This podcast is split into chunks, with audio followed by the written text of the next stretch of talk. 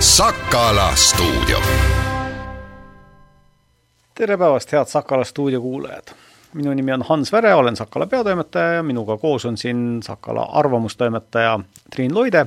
helipuldis Kaie Mölter. ja meie äh, tänane teemade valik on äh, selline mitmekesine, vaatame elu mitme nurga alt äh, ja lõpuks jõuame siis äh, pikemalt välja poliitika juurde. Aga kõigepealt, äh, Triin, äh, kirjutasid eelmisel nädalal ühe loo sellest, kuidas äh, kuidas tegutseb Riigimetsa Majandamise Keskus, mis meie kõigi suurt vara, loodust ja, ja metsa Eestis haldab. Ja sellest metsasõjast on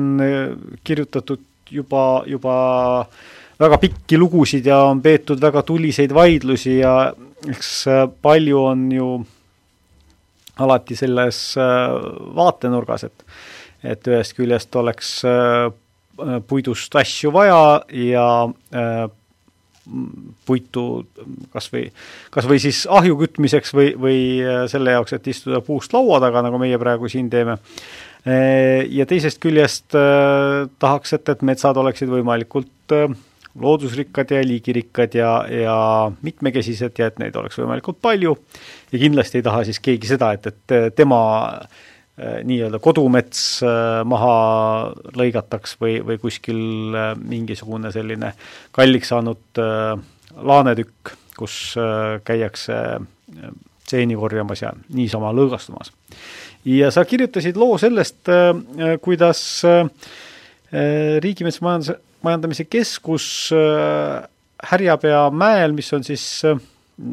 Sakala kõrgustiku ja ühtlasi Viljandimaa kõige kõrgem tipp. Äh, selle külje all plaanib korraldada lageraiet ja korraldaks selle jaoks ka kaasamiskoosoleku, ainult et kohalikke inimesi ei kaasatud. räägi natukene kõigepealt sellest, mis asi on kaasamiskoosolek ja mis, mis jaoks seda vaja on?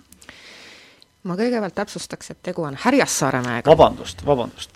Äh, suhtume ikka lugupidavalt Mulgimaa, Viljandimaa kõige kõrgemasse tippu. no kaasamiskoosolek, selleks, et seda selgitada, peab liikuma selleni, mis asi on kõrgendatud avaliku huviga ala, ehk siis KAH-ala. ja see ei tulene sellest, et see on kõige kõrgem koht Viljandimaal? Äh, osaliselt tuleneb, aga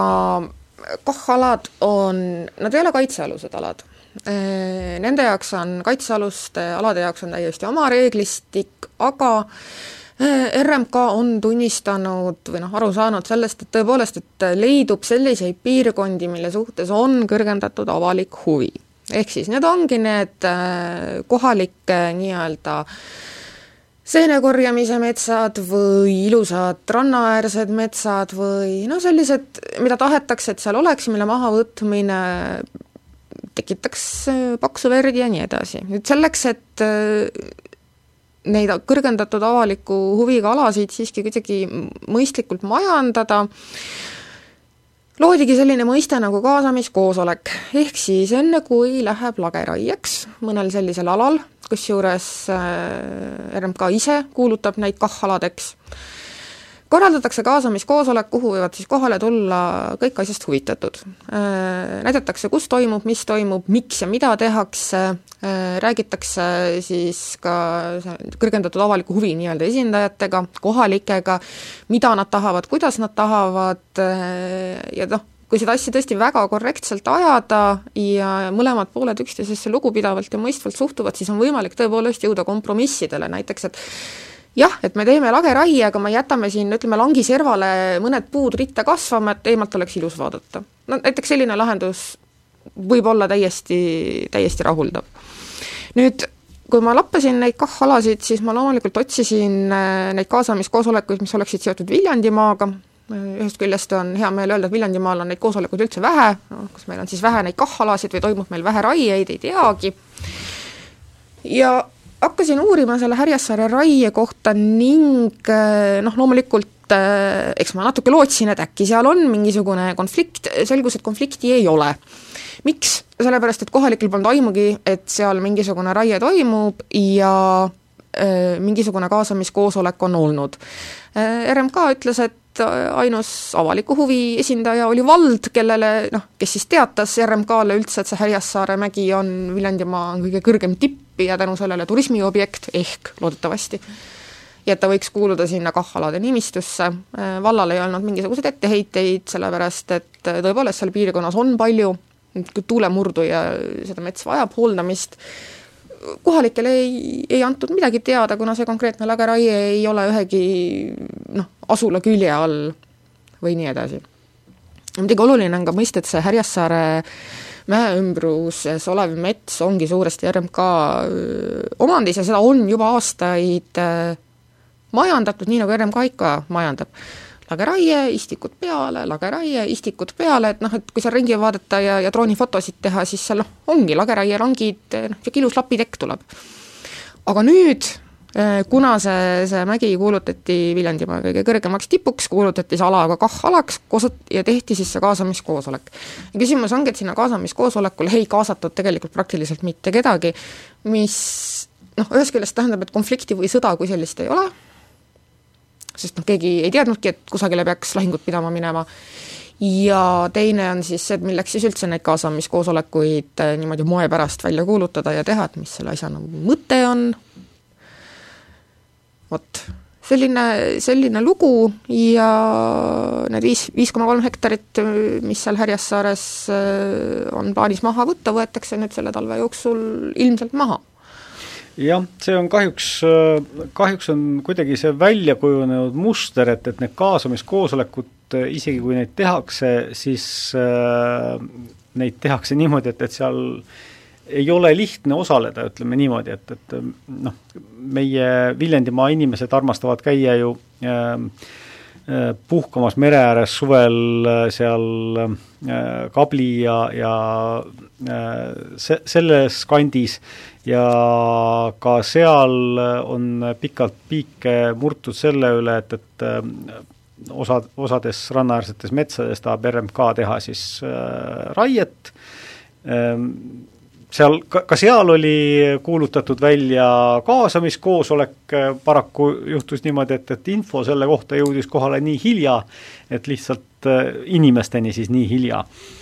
et, et nad äh, sinna kuidagi ei jõudnud ja noh, seal võib ju tuua välja mingisuguseid selliseid detaile, et noh, et, et, et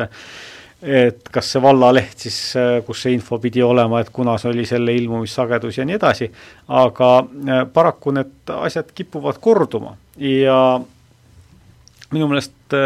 sellest RMK-l on võimalik, äh, noh üks asi on nagu selline põhimõtteline metsasõda, mis, mis äh, siis käib, et, et kui palju üldse peaks metsa raiuma, kas on alaraie, on üleraie, kas meil saab mets viiekümne aasta pärast otsa või, või, või kümne aasta pärast, ähm, ja, ja missugused on siis need andmed, mille põhjal kõike seda arvutatakse, kas nad on õiged või mitte, et, et see on väga spetsiifiline teema, millest äh, kõrvalseisjal on üsna raske aru saada. aga noh, päris kindlasti RMK ei äh,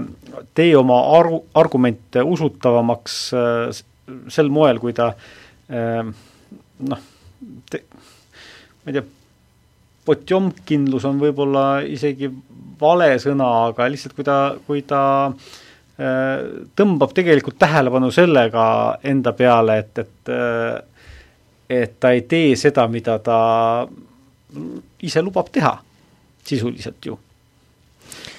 Ma arvan, et üks probleem on selles, et RMK, äh, ütleme siis selle lahti, Riigimetsa Majandamise Keskus, mis tähendab majandamine, see majandamine ei tähenda oravatel käe hoidmist ja ei, aga see tähendab ka puhkemajandust. no natukene küll jaa, aga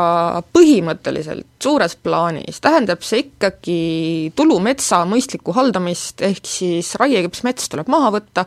siis kui seda maha ei võta, hakkab äh, tema väärtus äh, langema ja sinna on vaja uus mets istutada ja nii edasi. Ja see kõik on tegelikult väga loogiline, ma ei ole põhimõtteline mingisugune RMK vastane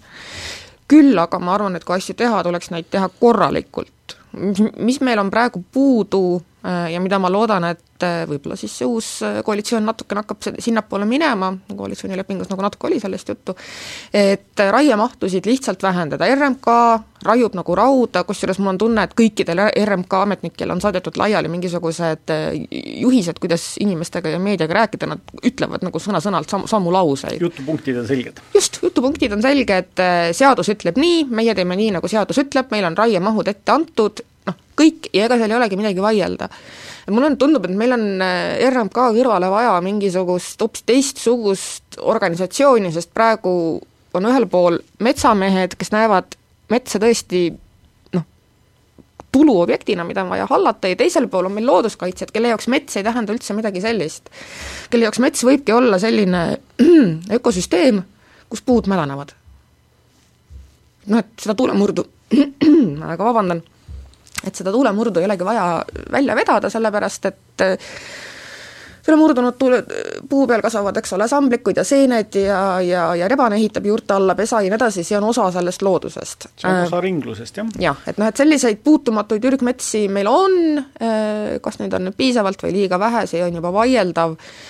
aga mulle lihtsalt tundub, et RMK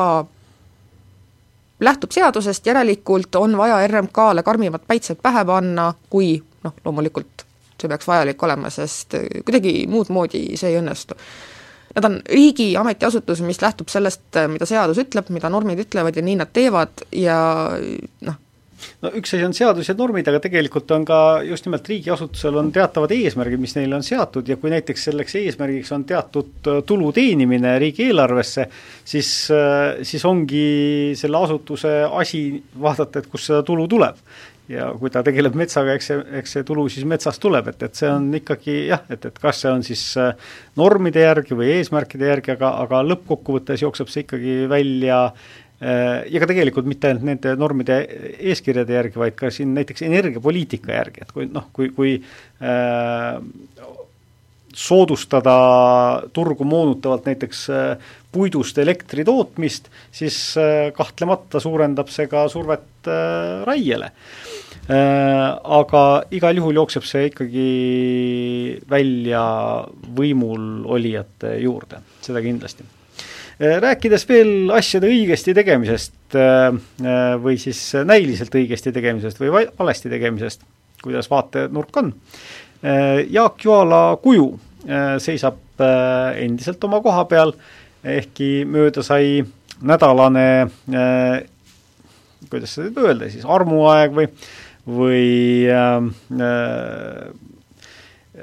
aeg, mis anti selle jaoks, et, et äh, kuju püstitajad, mittetulundusühingu äh, Meie Viljandi eestvedaja Harri-Juhan Jaaltonen eelkõige saaks siis äh, kooskõlastuse Jaak Joala leselt, kes nõudis äh, kuju e eemaldamist või õigemini kujult kõigi Jaak Joalale viitavate de detailide eemaldamist. Ja selle kooskõlastuse osas ei ole tegelikult midagi edasi nihkunud, eh, kooskõlastus sellisel kujul, nagu linnavalitsus seda nõudis, ei ole, küll aga kuju mahavõtmist ka ei otsustatud, vaid eilsel istungil otsustas siis linnavalitsus seda, et, et kuju saatuse üle hakkab otsustama volikogu. kuidas sulle selline selline lüke tundub? no kui ma nüüd aus olen, see tundub natuke sellise asjana, nagu lapsed teevad, et äh, midagi on valesti, nad ei oska seda enam ise lahendada, siis nad lähevad emme juurde. tule ja aita ja siis on see vastutus kellelegi teisele üle antud, et see asi oleks ju pidanud kohe algusest peale olema volikogus, arvan ma seda asja oleks palju jama olemata olnud? ilmselt oleks olemata olnud. Ja kui oleks ka suheldud Lesega, sest äh, Lesk on ju öelnud, et temaga ei ole mitte keegi suhelnud, ainult Seeder. Ähm,, kui selle kuju taga oleks volikogu otsus, see rahastus oleks olnud selge ja läbipaistev, see oleks läbimõeldud, ei oleks välja vihastatud kujurite ühingut, võib-olla olekski konkurss oleks äh, tehtud päris konkursina. jah, võimalik, et olekski see Karmini konku-, kuju võitnud selle konkursi. aga võimalik, et me oleksime saanud hoopis midagi muud, midagi huvitavamat, midagi, mis reaalselt äh, oleks ka võib-olla Joolat natuke Viljandiga sidunud, no mine tea, noh võib-olla oleks äh, konkursi käigus selle žürii näiteks andnud teatud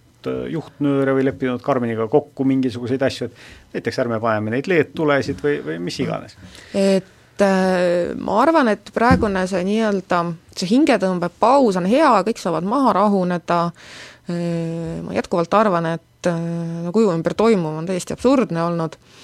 noh, inimesed on vihased juba mitte selle kuju peale, vaid selle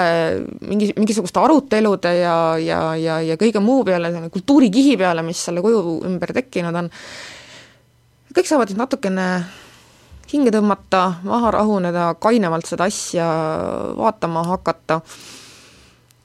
aga jah, et äh, linnavalitsus tegi sellest tuli paks pahandus, nüüd lükatakse see asi volikogusse ja nüüd on niimoodi, et vahet ei ole, mida see volikogu otsustab, linn saab käsi laiutada, et kuju linnavalitsus saab käsi jah, laiutada? linnavalitsus saab käsi laiutada, et nojah, et kui see maha võetakse, siis kehitavad õlgu, et nojah, et me tahtsime parimat, aga kuri volikogu ei lasknud meil äh, head ja õilsad olla, kui see püsti jäetakse, siis linn ütleb, et nojah, et näete, et isegi volikogu oli sama meelt, me tegime ju kõik õigesti, eks ta noh, selline nagu kõik asjad selle kuju juures, paneb nagu veidi kukalt kratsima, aga no e, igal juhul on linnavalitsus tõesti selle enda kraest ära saanud, selle raske otsuse ja tegelikult e, e on ju ka näiteks sotsiaaldemokraadid opositsiooniparteina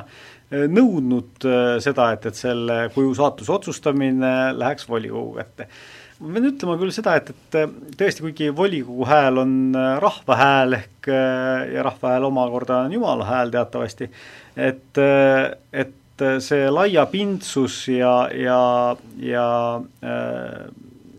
esindusdemokraatia põhimõte kindlasti annab ükstapuha, mis otsuse siis volikogu äh, langetab, sellele suurema kaalu ja ka vastutus hajub seal volikogus äh, paremini ära äh,. aga ega see otsuse tegemine ei ole neil endiselt kuidagimoodi lihtne, sest et eh, noh, ei ole head lahendust, et kui sa, kui sa jätad selle kuju püsti, mis on eh, saanud eh, püsti valel alusel ja ja paljudele ei meeldi, siis on jama ja kui sa võtad selle maha, siis on ka jama. nii et ükstapuha, mis otsus sealt tuleb, siis, siis aga näis. ma isik, isiklikult arvan küll seda ikkagi, et, et see kuju jäetakse mingil kombel sinna püsti? ma olen tegelikult sama meelt, äh, ma arvan, et see kuju jääb sinna, kus ta on. ja tegelikult ma arvan, et äh, ma tükk aega mõtlesin ja ragistasin pead, et kuidas oleks võimalik see kuju sinna niimoodi püsti jätta, et sellest ei oleks palju jama. sest noh, praegu on ju põhiline probleem ikkagi see, et Lesk ähvardab kohtusse minna. Äh, kas ta seal võidu saaks, iseasi, aga noh, ega see halb, nagu hea reklaam ei oleks, see on halb reklaam. Kui teha lesele lepituspakkumine, et me teeme selle pargi seal ümber väga hästi korda, sellest saab Viljandi kõige ilusam park Jaak Joala mälestuseks. Ja tema auks ja seal kes-, keskel on siis see kuju, küsitakse, et mida me saaksime selle kuju juures natuke muuta, et ta ilusam oleks, võib-olla võtame need tuled ära, nii edasi, küsitakse, ma ei tea, mis on,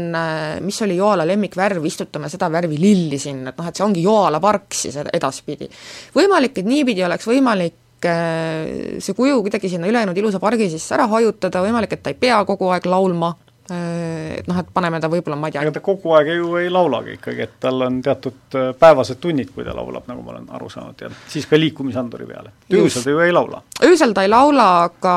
noh, ütleme nii, et seal lähedal olevad inimesed, ma ei tea, võib-olla nad on seda heli maha keeranud, ma ei ole sealt ise tükk aega mööda läinud, ma ei taha seda kuju näha enam.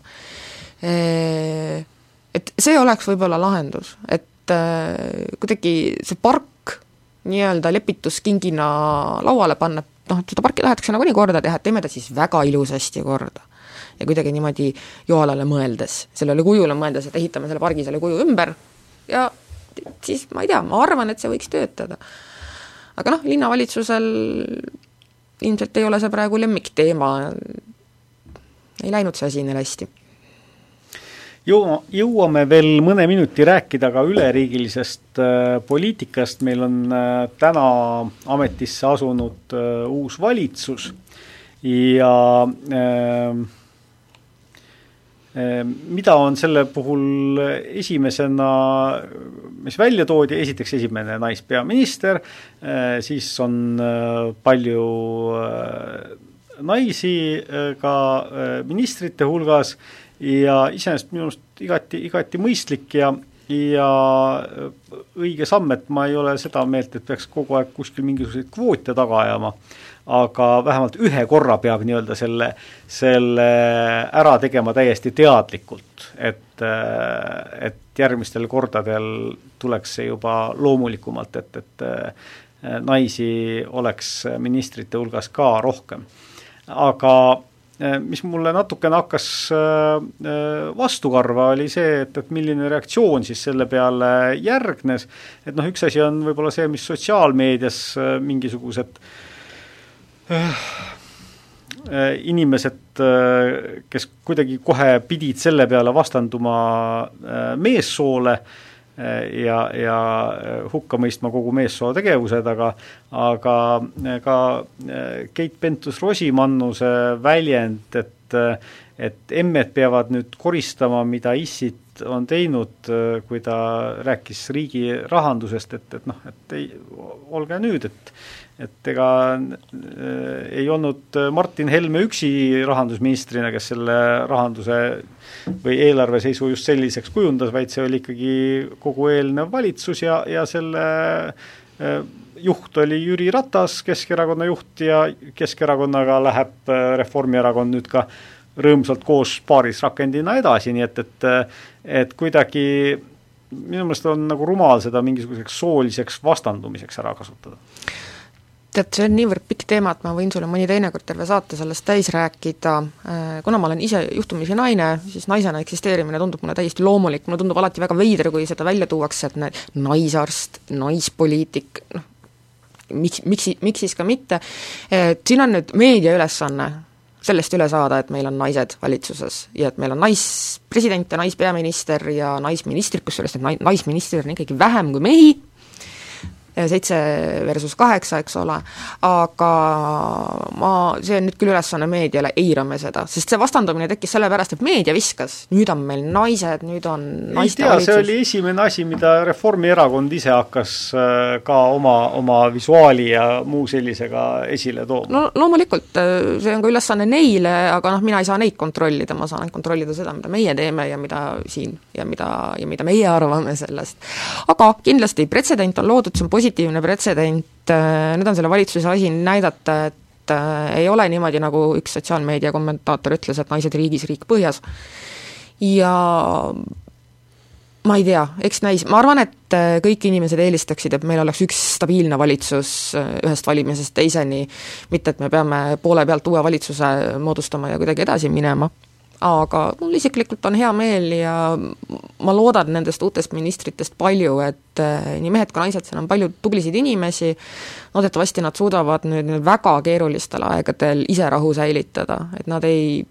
noh, no ma kirjutasin ka täna arvamusloos Sakalas, et kõige olulisem on praegu see, et äh, oleks tagatud stabiilsus ja rahu sest inimesed on väsinud, ühiskond on väsinud, me oleme väsinud ka sellest, et kaks aastat on olnud iga nädal põhimõtteliselt mingisugune uus poliitiline skandaal, kui saaks ilma nendeta, oleks juba see valitsus parem kui eelmine. No siin on, kui jätta nüüd kõrvale siis isikkoosseis, siis teine peamine teema on olnud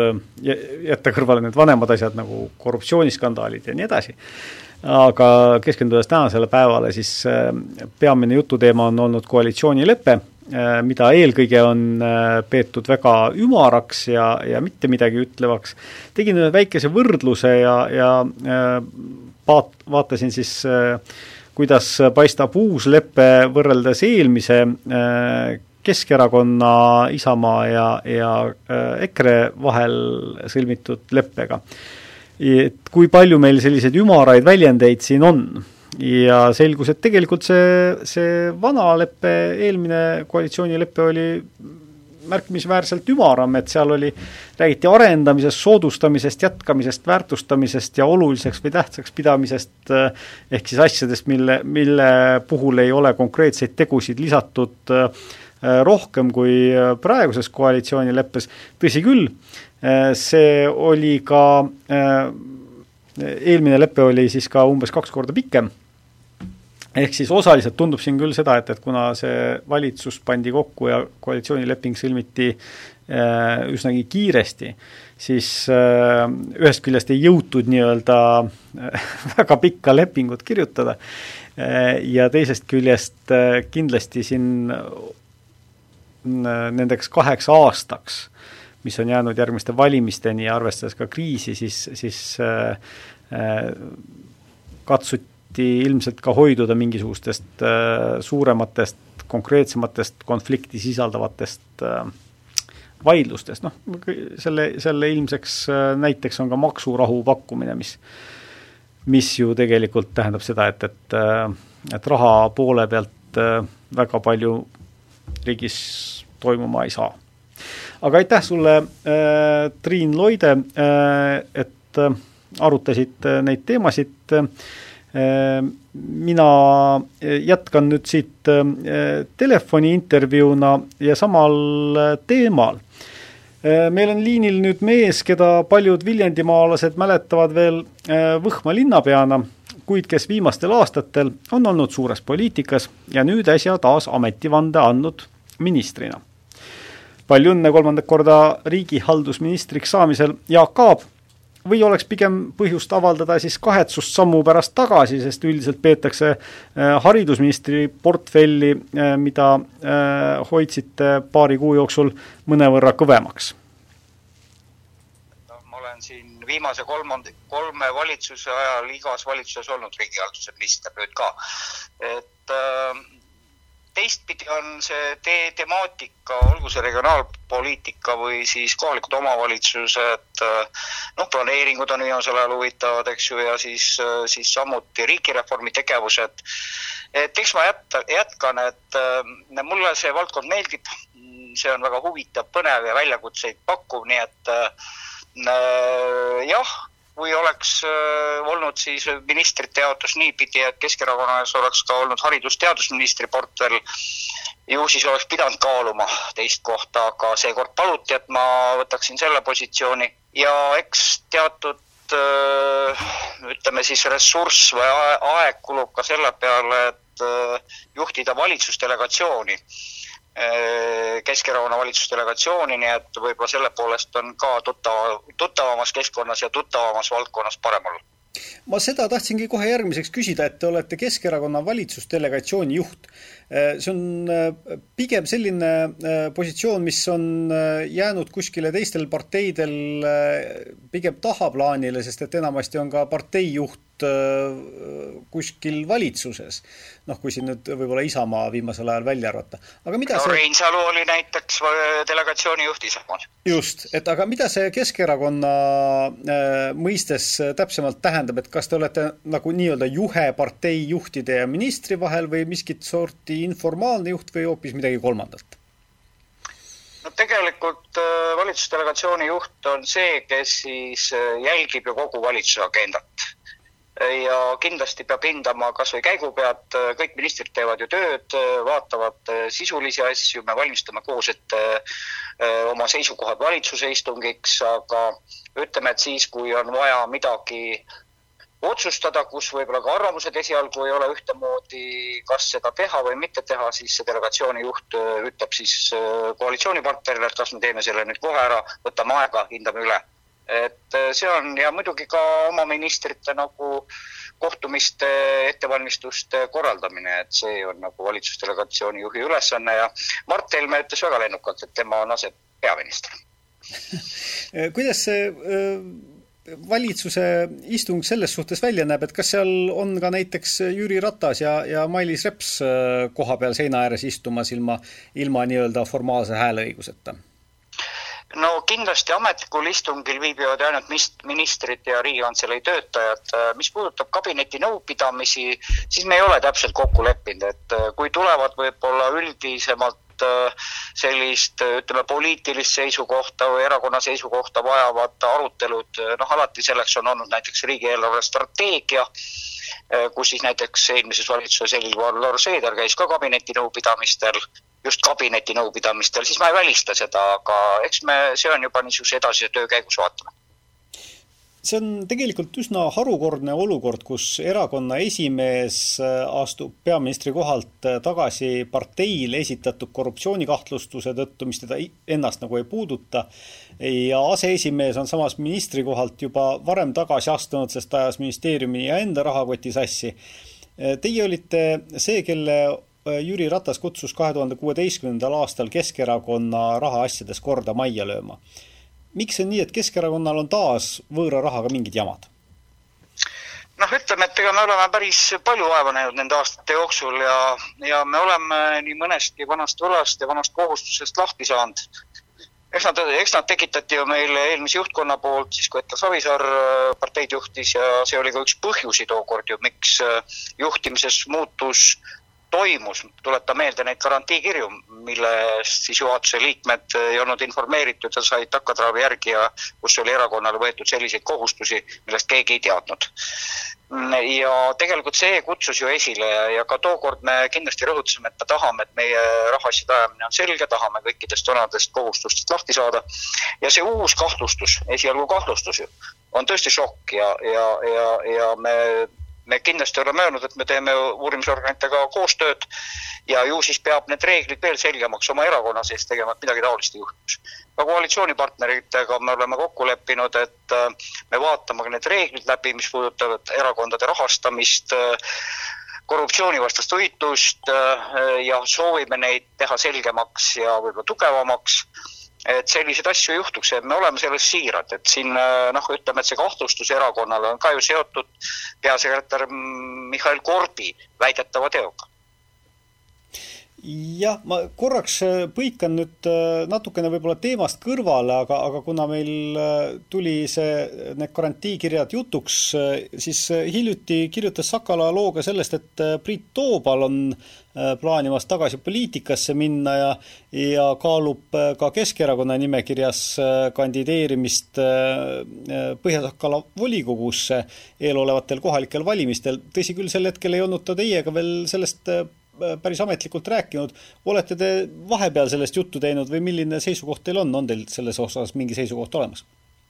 No me oleme ka varem rääkinud ja on ka piirkonna juhatuses sellest juttu olnud, mina olen ju ka Keskerakonna Viljandimaa piirkonna esimees. ja ikka me kaalume, kuidas valimistele minna, kuidas osakonnad töötavad, millised on edasised võimalused. me oleme põgusalt ka Priiduga sellest rääkinud, ka mina olen eraldi sellest Priiduga rääkinud, aga me ei ole lõplikke otsuseid langetanud. paljuski ei ole Priit ka olnud kindel, mis ta tahab edasi teha.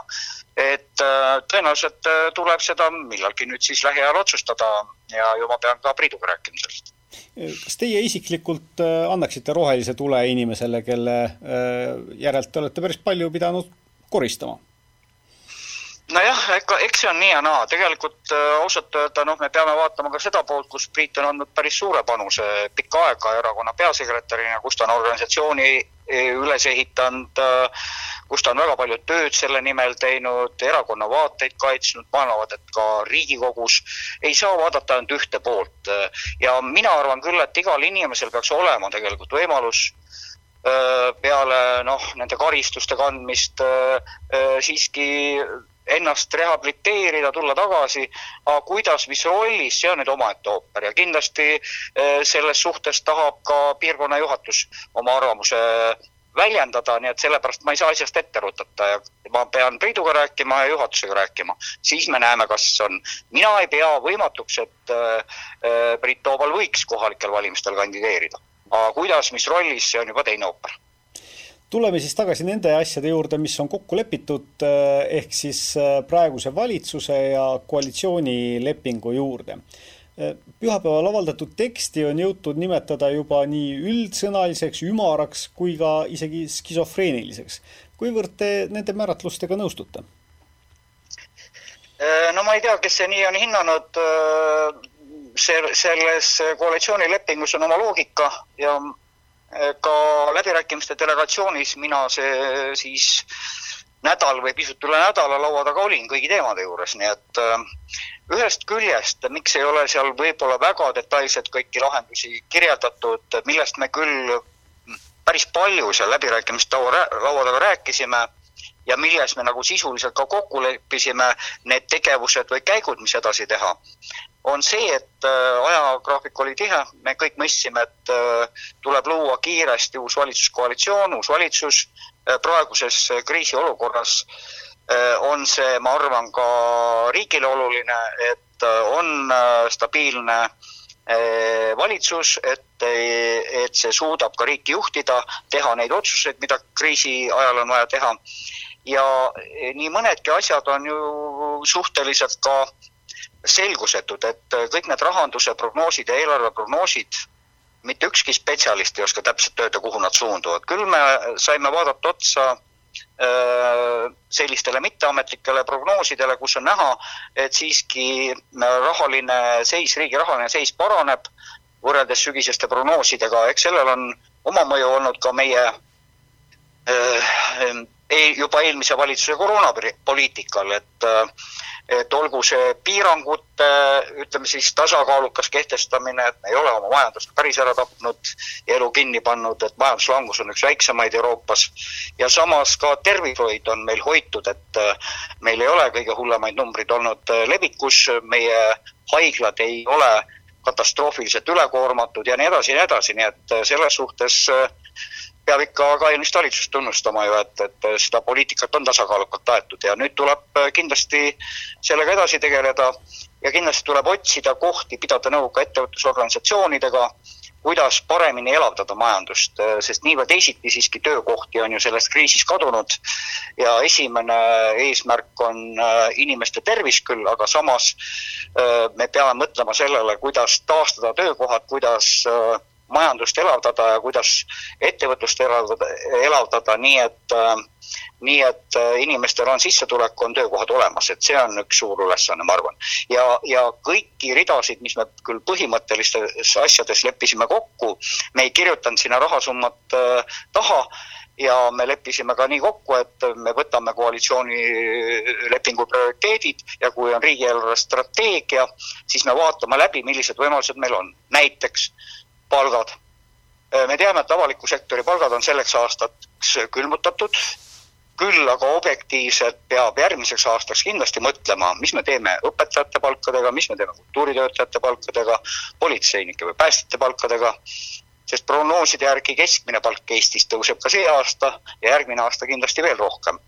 ja kindlasti ei ole põhjendatud siis, et äh, nende kategooriate palgad, mis on olnud nagu Äh, siis võrreldes teatud väärtustasemete või keskmiste palkadega maas, me ei saa neid ju igaveseks külmutatuks jääda. et need küsimused tulebki riigieelarve strateegia käigus lahendada. Äh, kui siin äh, selle kõige akuutsema kriisi, tervishoiukriisi juures on tegelikult need lahenduskäigud meil selles suhtes selged, et me oleme näinud juba, kuida-, kuidas seda tasakaalu otsitakse, mis need meetmed on ja, ja äh, palju on räägitud ka sellest, kuidas vaktsiinidega siis edasi toimetada, aga tõepoolest, mis on need esmased abinõud töökohtade hoidmisel ja, ja ilmselt siis osa kaduvate asemel ka ikkagi uute loomisel? Noh, üks võtmeküsimus on see, et kus on nagu ressurssi kindlasti juurde tulemas, on Euroopa Liidu vahendid, olgu see taasterahastu vahendid, React-EU, mis on niisugune kiire rahasüst teatud valdkondadesse Äh, ka struktuurifondi äh, vahendid, need ju hakkavad kohe-kohe avanema, õiglase ülemineku fondi vahendid, kus me räägime Ida-Virumaast. Et me peame tegema äh, kõik endast oleneva, et lahendada kiiresti need bürokraatia küsimused, läbirääkimised Euroopa Komisjoniga, et seal on ju väga suur ressurss, mida me just sellel eesmärgil saame kasutada ja mis enamuses ongi selle, sellele suunatud, et me saaksime öö, öö, arendada te-, uut, uue tehnoloogiaga ettevõtlust, digitaalset ühiskonda, rohelist poliitikat toetada, nii et, et seal need võimalused on olemas, aga kiirem ülesanne on vaadata muidugi ka praegustele vahenditele otsa, mis meil on seal nii KredExis, EAS-is kui Maaelu Edendamise Sihtasutuses Eh, kuidas neid ja milliste meetmetega millistele sektoritele toeks anda, et see eh, kriisijärgne tõus oleks kiirem. aga on ka need küsimused näiteks hariduses, kus meil on nii või teisiti distantsõppega tekkinud lüngad ja kus me tõenäoliselt peame ka otsima lisaressurssi, et katta need lüngad eh, lisatundide, lisatööga, lisamaterjalidega, lisa tasemetööde ja testidega, et teada saada üleüldse, milline auk õpilaste teadmistes on ja kuidas siis võimalik on seda täita. et äh, see ei ole väga lihtne mudel. Äh, neid lünki ja probleeme on kõigis valdkondades ja see peabki olema selline kompleksne ja laiem mudel, millega me kriisist hakkame väljuma. ja neid tegevuskavasid tegelikult on tehtud äh, ministeeriumides juba siis eelmise valitsuse ajal ja need ettevalmistused kabinetti on tegelikult käimas üritame nad võimalikult kiiresti läbi arutada ja vaadata, kuidas me otsuseid ja abi saame anda. Ehm, on juba, kui, kui see töökohtade kadumine on praegu kriisiga seotud eelkõige, siis väga pikalt on ju töökohad kadunud maapiirkondadest, mis on teie kui regionaalministri vabandust, riigihaldusministri küll, aga, aga osaliselt kattuva valdkonnaga Äh, tööala ja äh, pikalt on räägitud ka sellest, et, et äh, edukaks regionaalpoliitikaks peaks siis olema sobiv taristu ja mitu sellekohast teemat on ka koalitsioonileppes kirjas. näiteks lubate te tagada kiire internetiühenduse kättesaadavuse üle kogu Eesti ning kiirendada viimase miili ühenduste väljaehitamist. Kui nüüd viimased paar kuud välja arvata, mil te olite haridusminister, haridusminister, olete te ju olnud tegelikult äh, juba kaks aastat riigihaldusminister. Äh, mis konksu taga siis see viimase miili ühendus siiamaani seisab, sest et äh, kurtmist on selle üle ikka, ikka jätkuvalt? noh, ega ta nüüd päris ei seisa, eks ma saan aru, et selle kiire interneti edasiviimine võtab aega puht ehituslikult, taristuslikult, sellepärast et me ka kriisieelarves eraldasime ju eelmine aasta viisteist miljonit lisaraha. on ette nähtud lisarahad Euroopa Liidu vahenditest ja ma tõsiselt usun, et kuskil viie-kuue aasta perspektiivis me teeme siin päris suure läbimurde. ja ka koroona tõestas, et eh, seda tuleb teha, tuleb teha kiiresti, eh, sest äh, koroonakriisi ajal ju väga levinuks muutus äh, kaugtöö, mitte ainult avalikus sektoris, vaid ka erasektoris. Äh, ja kui ei ole korralikku internetiühendust, siis see on häiritud, rääkimata ka distantsõppest et kindlasti seal on tulemas läbimurre, seda ma julgen lubada ja seda ka koalitsioonilepingu ajal kindlasti rõhutati ja tuletan meelde, et osa raha on juba eraldatud, osa raha on kohe-kohe tulemas eurovahenditest, et me, me ei, me ei räägi tühje sõnu, vaid see on ka ressursiga kaetud. mis puudutab maaelu laiemalt äh, ja maapiirkondade arengut, äh, noh, eks minulgi on kahju, et äh, ma siin eelmisel perioodil tegelikult valmistasin ette oma haldusalaga koos KredExiga need meetmed, mida on ammu oodatud, siis eluasemelaenude äh, tagatiste andmine riigi poolt äh, ja ka ettevõtluslaenude tagatiste andmine riigi poolt nendes piirkondades, kus kinnisvara hinna tõttu pank ei tule neid andma kui lihtsalt seletada, et kui noor inimene näiteks tahab soetada omale eluaset äh, või kas või renoveerida korterit, ta läheb panka pank ütleb, et aga sinu selle eluaseme hind on nii madal, et me ei saa sulle laenu anda. Äh, riik annab lisatagatise, siis on võimalik seda äh, raha ka saada Eh,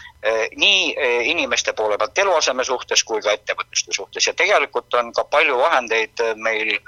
nii KredExis kui Maaelu Edendamise Sihtasutuses, kus me peaksime vaatama, kuidas me seda maapiirkondi paremini aidata saame. no siiski ka kriisi ajal üks asi, mis tehti, on ju korterelamute rekonstrueerimine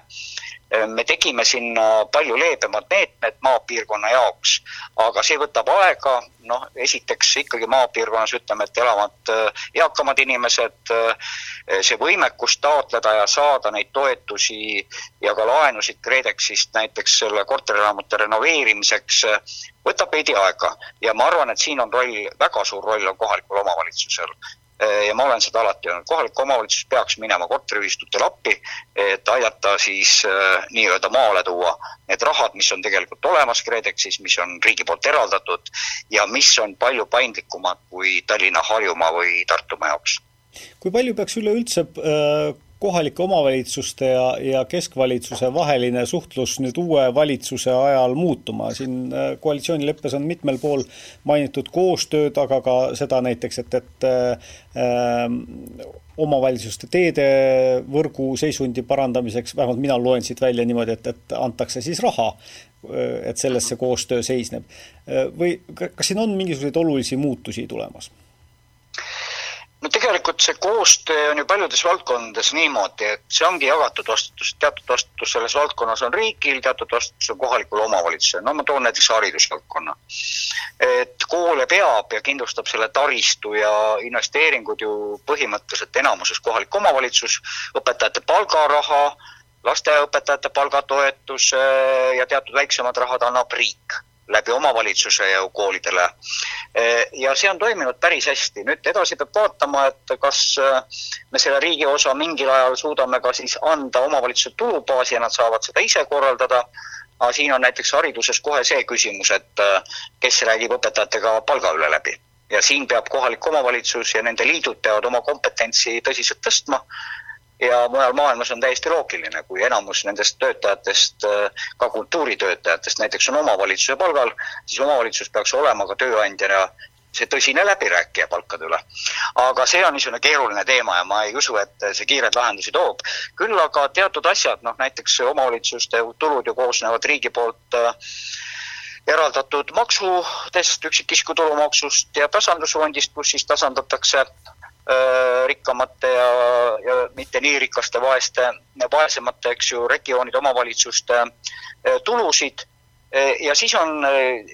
rida selliseid rahasid, mis tulevad toetusfondi kaudu mingi kindla valemiga, noh, olgu need teed, olgu need haridus ja veel midagi. siin ma jätkuvalt kaaluks seda, et osa neist rahadest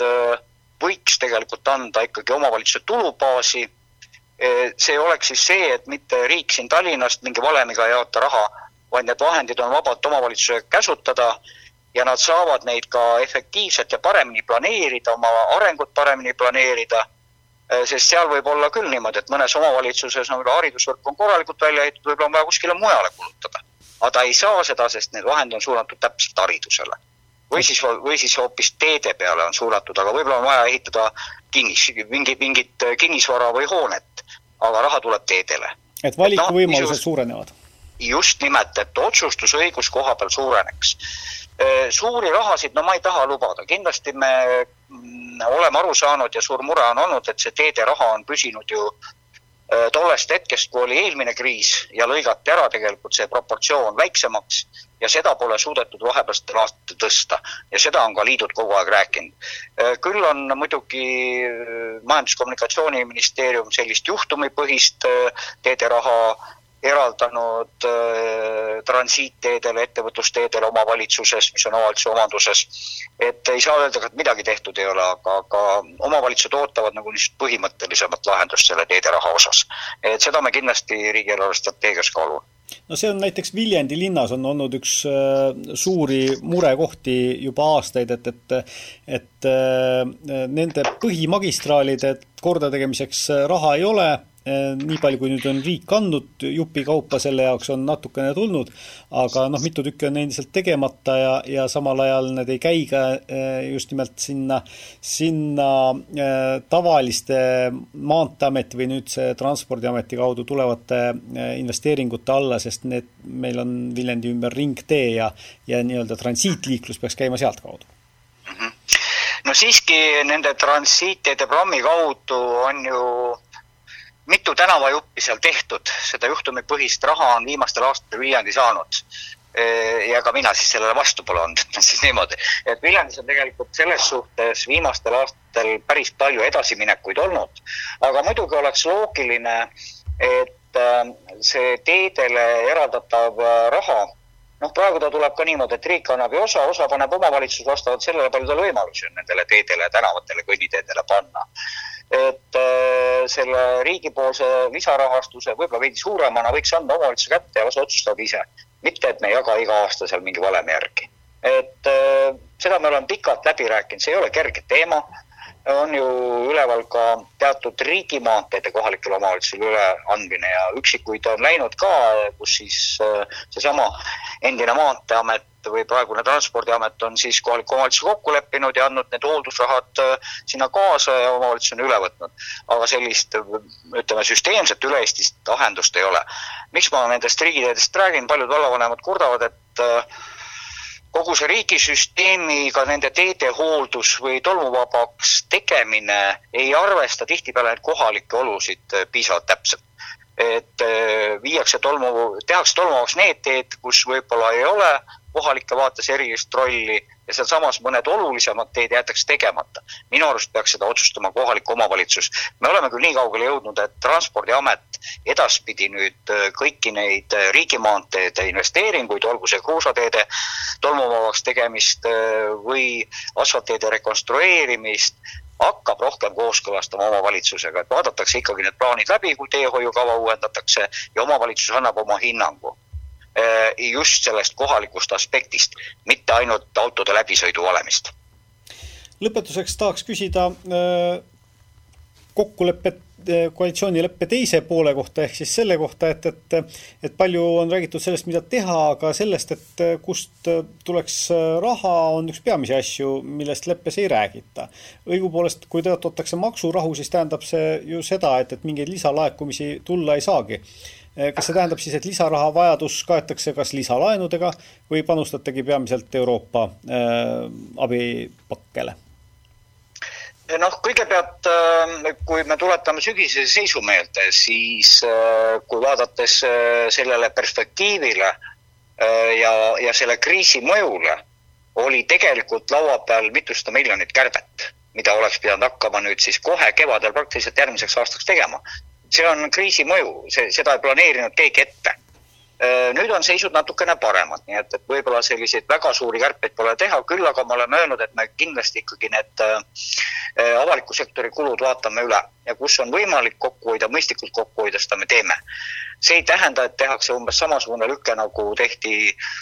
selle kahe tuhande kaheksanda, üheksanda aasta kriisi ajal, et kõik lõigati igalt poolt maha ja, ja sellest kriisist väljatulek läks väga pikale kindlasti on ju praegu juba tehtud otsustega teatud laenuraha eh, broneeritud või võimalus seda laenu võtta olemas. otsime ikkagi läbi majanduse elavdamise neid võimalusi, et seda laenuraha, kui me kasutame, siis investeeringuteks või selleks, et siis majandus hakkaks paremini tööle ja tooks siis ka riigikassasse rohkem raha. ja inimeste elujärg paraneb ja töökohad säilivad või tulevad juurde et rohkem on see raskuspunkt sinna ja, ja, ja kunagi pole Eestil kasutada olnud nii palju euroraha, kui seda lähiaastatel tuleb. seal on see ka potentsiaal olemas. nii et ei saa öelda, et mitte midagi teha pole võimalik, ikka aitäh äh, leidmast kiirel päeval aega meiega vestlemiseks, äh, riigihaldusminister äh, Jaak Aab ja edu valitsusdelegatsiooni juhtimisel ja, ja kogu ülejäänud töös mina olen Hans Väre, aitäh teid kuulamast ning Sakala stuudio on eetris taas järgmisel nädalal.